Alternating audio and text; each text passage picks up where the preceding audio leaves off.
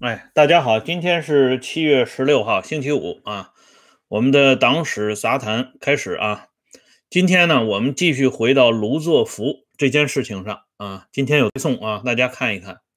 上一次节目啊，我们提到西南局和西南公安部啊，给予这个办案人员啊，做出三条重要的指示。这三点重要的指示。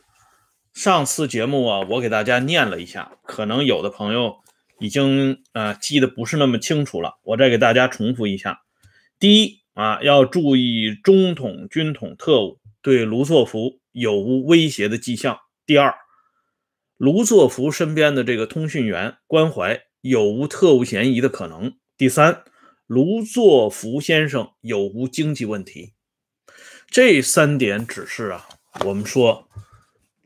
用后来毛泽东形容邓小平的话讲，就是绵里藏针。为什么这么说？因为你看啊，这三条其实都是一条，一条什么呢？就是甩锅啊！卢作孚的死因，其实西南局和西南公安部的负责人们，他们心里比谁都清楚啊。但是卢作孚的死因。要由其他人等来承担，啊，第一条已经说的很清楚了，这中统特务、军统特务有无威胁迹象，这是甩锅到境外势力，因为那个时候大家知道，这国民党已经退居台湾了，啊，在祖国大陆的势力呢，已经基本上被铲除干净了，可是仍然啊。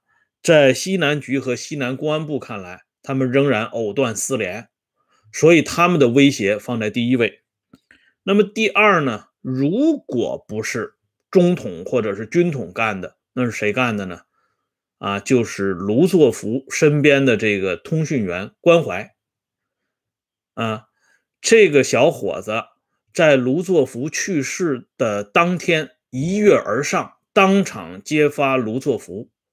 卢作孚死亡现场，卢作孚的遗孀蒙淑仪对关怀极度不满，这些点点滴滴的东西都被办案人员如实的予以上报。啊，于是呢，就有了第二条，这关怀是不是有特务嫌疑？那么第三条呢，就是卢作孚先生有无经济问题？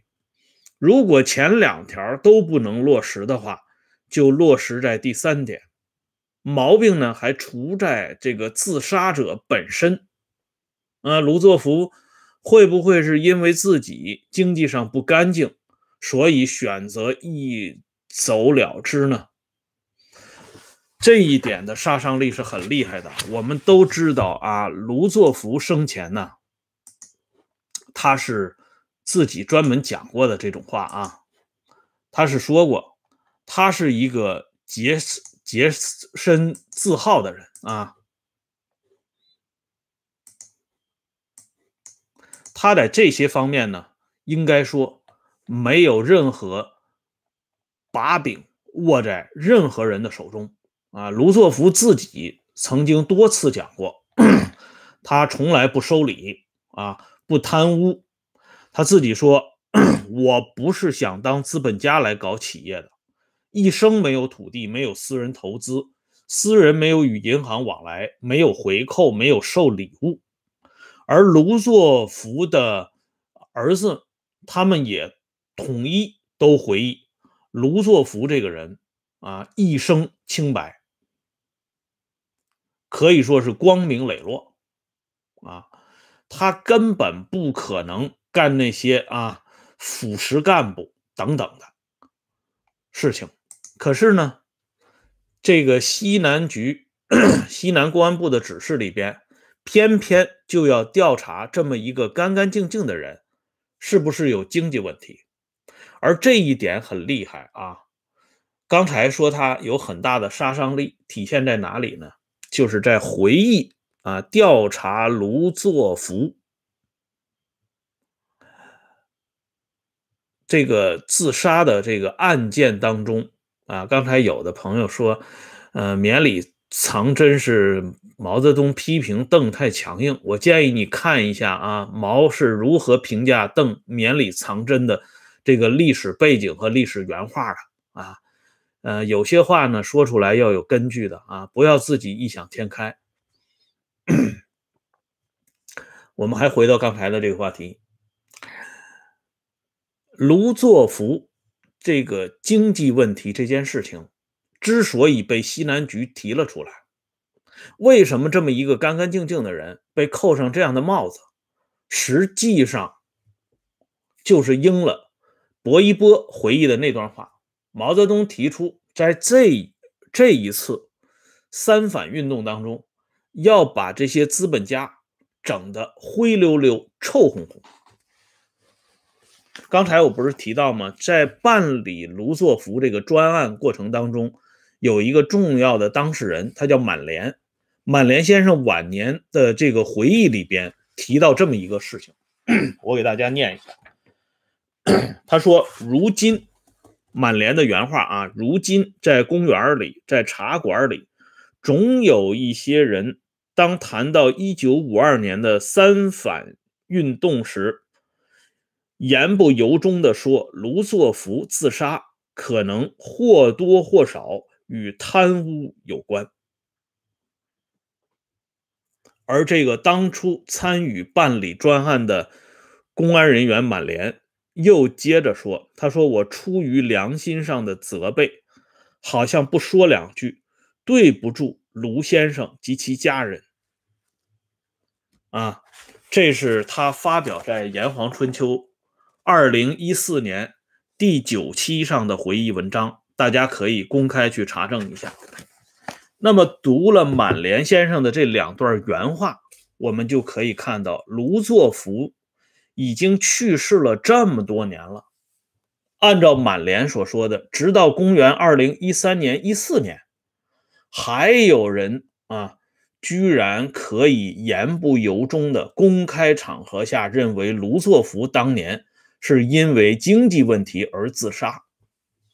那么回看一下西南局与西南公安部做出的这三点指示，他的这种绵里藏针的力度，我们就知道为什么伟大领袖对邓小平这么爱不释手了。而这个老邓这个人，为什么能够稳稳地坐在党的第二代领导集体核心的位置上，杀人于无形之中？啊，事后呢不留任何痕迹，即便这个人日后被平反，身上灰溜溜、臭烘烘的东西永远不会被清除。对于像卢作孚这样的人，搞掉卢作孚这样的人，最厉害的不是说把他的肉体生命搞掉，而是要干掉他的尊严，干掉他的精神世界。而卢作孚也正是在他的尊严破裂，在他的精神世界崩溃之后，他才会走上绝路的。这才是一切问题的最根本的一点。哎，中国人老话讲一句什么呢？叫“士可杀而不可辱”。卢作孚先生的子女在晚年的时候就回忆过这句话，他说。父亲是一个视人格尊严为生命的人，这样无端的污蔑与侵犯，他绝对不能接受。可以说，二月八号的大会对于父亲是一个极大的刺激，直接成为他当晚自尽的导火索。哎，从这个话里边，我们就可以看到，卢作孚先生之所以选择自尽，到底是因为什么？而且不光是卢作孚，包括啊十多年后，在中南海自己的住处愤而上吊自尽的田家英，他在死前反复与来访者说了一句话：“是可杀而不可辱。”而另外一个，在一九六六年毛泽东生日的这一天，也就是一九六六年十二月二十六号，在广州用大量安眠药。结束自己的生命的周小舟，毛泽东在延安时代，在抗日战争时期的秘书周小舟，死前也反复强调“士可杀而不可辱”。但是呢，我们知道，这个社会要做到的就是士既可杀也可辱，啊，甚至呢先辱后杀，或者是先杀后辱，或者是又杀又辱。哎，所以卢作孚、田家英、周小舟这些人必然不见容于当世啊。从这个意义上讲，他们最终啊，最终走上绝路，恐怕是有一点必然性的。偶然性就在这个关怀的身上。刚才有朋友问了，关怀的结局是什么？在节目之前啊，前几期节目我跟大家说过，这个关怀是十九岁。这是来自于赵小玲女士的回忆文章，而其实呢，这个关怀是一九三五年出生的广东人，在一九五二年的时候，他只有十七岁，他是未成年啊。那么大家想一想，根据西南公安部到广东外调了解关怀的基本材料当中，我们得知这个年轻的通讯员。仅仅是一个未成年，这样的话，这个事情在二月八号的这个大会上发生的这些光怪陆离的景象，就会有一个重新的解释：是谁怂恿这位未成年人走上大会的主席台，当面的揭发，当面的无中生有，当面的信口雌黄？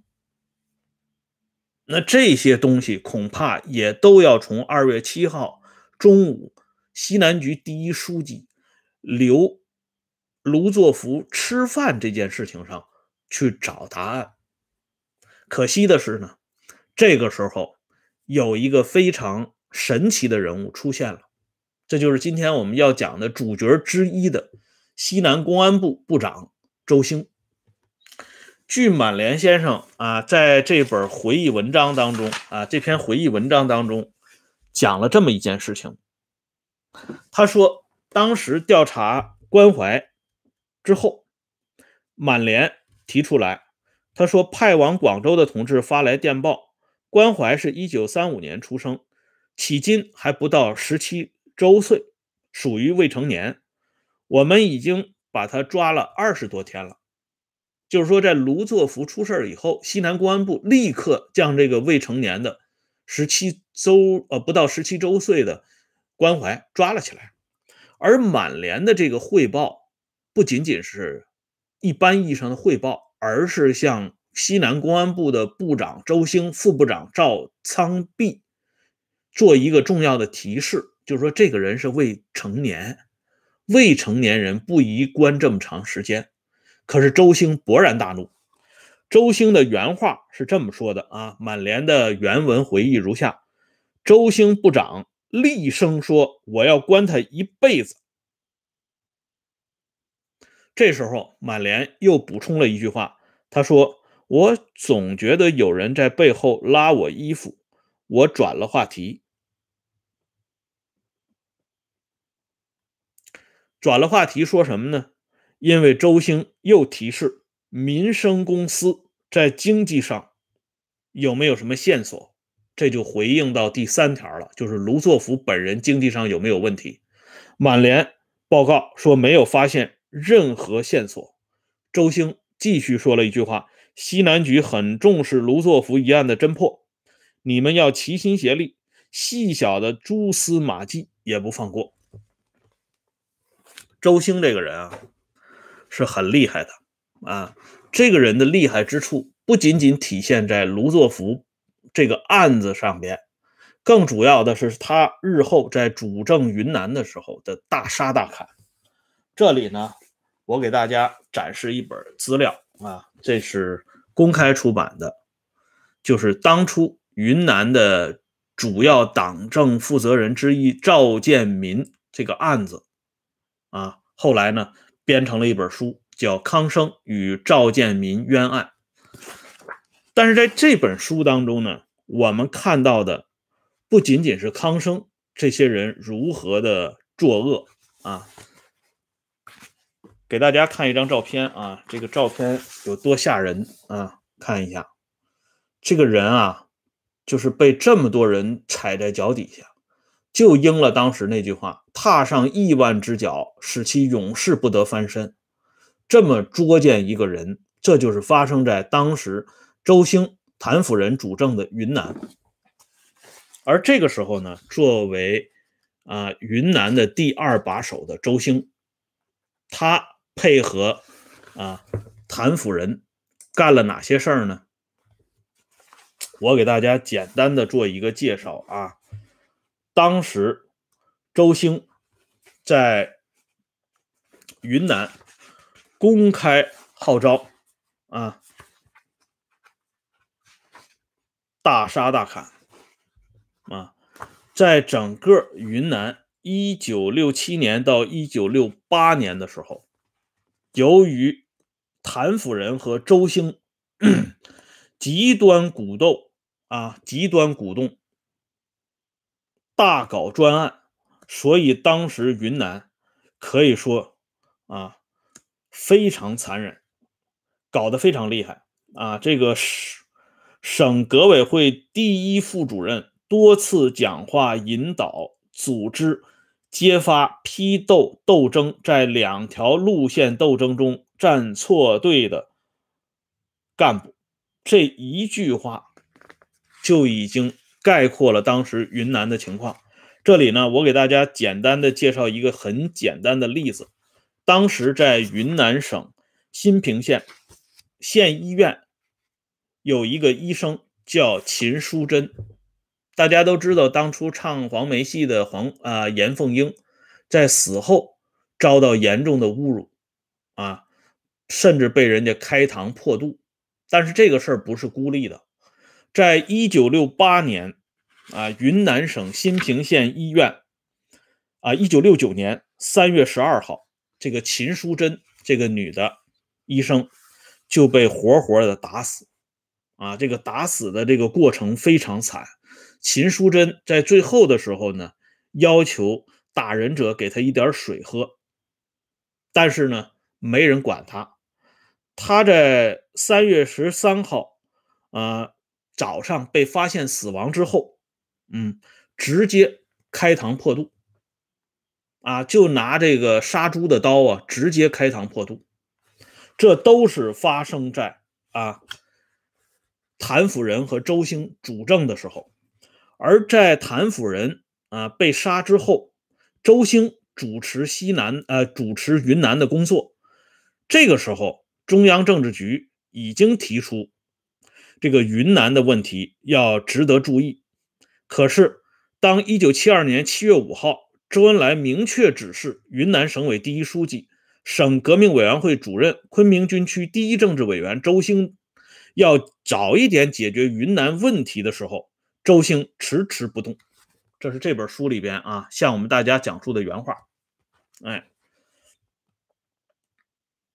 周兴是一九七零年十二月十七号继任云南党政军第一把手的，可是，一直到一九七三年八月底，周恩来再一次责问云南的问题有没有解决的时候，周兴仍然含糊其辞啊。即便是到了一九七四年二月份开始解决云南问题的时候，周兴对于周恩来做出的几点指示也拒不传达。啊，这就是周兴。可是周兴这个人呢，大家看一下啊，后来出了一本书叫《怀念周兴》。他要不出这个书呢，我们可能还不知道这周兴和邓小平之间的关系。这里呢，我就给大家做一个介绍。据周兴的老婆和周兴的秘书说，一九七五年，中央派专机把周兴接到北京治疗。周兴住院，刚刚住院，邓小平就跑到医院看望。十月三号，周兴嗝屁。啊，周兴病危的时候，汪东兴守在病榻旁。周兴嗝屁之后。第一个赶来致哀的中央首长就是邓小平。大家看一下啊，这是周兴和邓小平之间的关系，而远不及此啊。这个文化大革命当中，邓小平从江西刚回到北京，还没有出来工作，周兴就悄悄的去看望邓小平。啊，这也是这本《怀念周兴》里边向我们介绍的。那么，邓为什么喜欢周兴这种人物？按说，周兴是毛泽东啊耳提面命提上来的重要的肃反亲信啊，那他为什么突然跑到邓小平这边来了呢？这种变色龙式的人物，老邓为什么喜欢呢？这个留待我们明天接着说。感谢朋友们上来支持和收看，欢迎大家关注“温相说时政”会员频道，周一到周五每天都有更新。再见。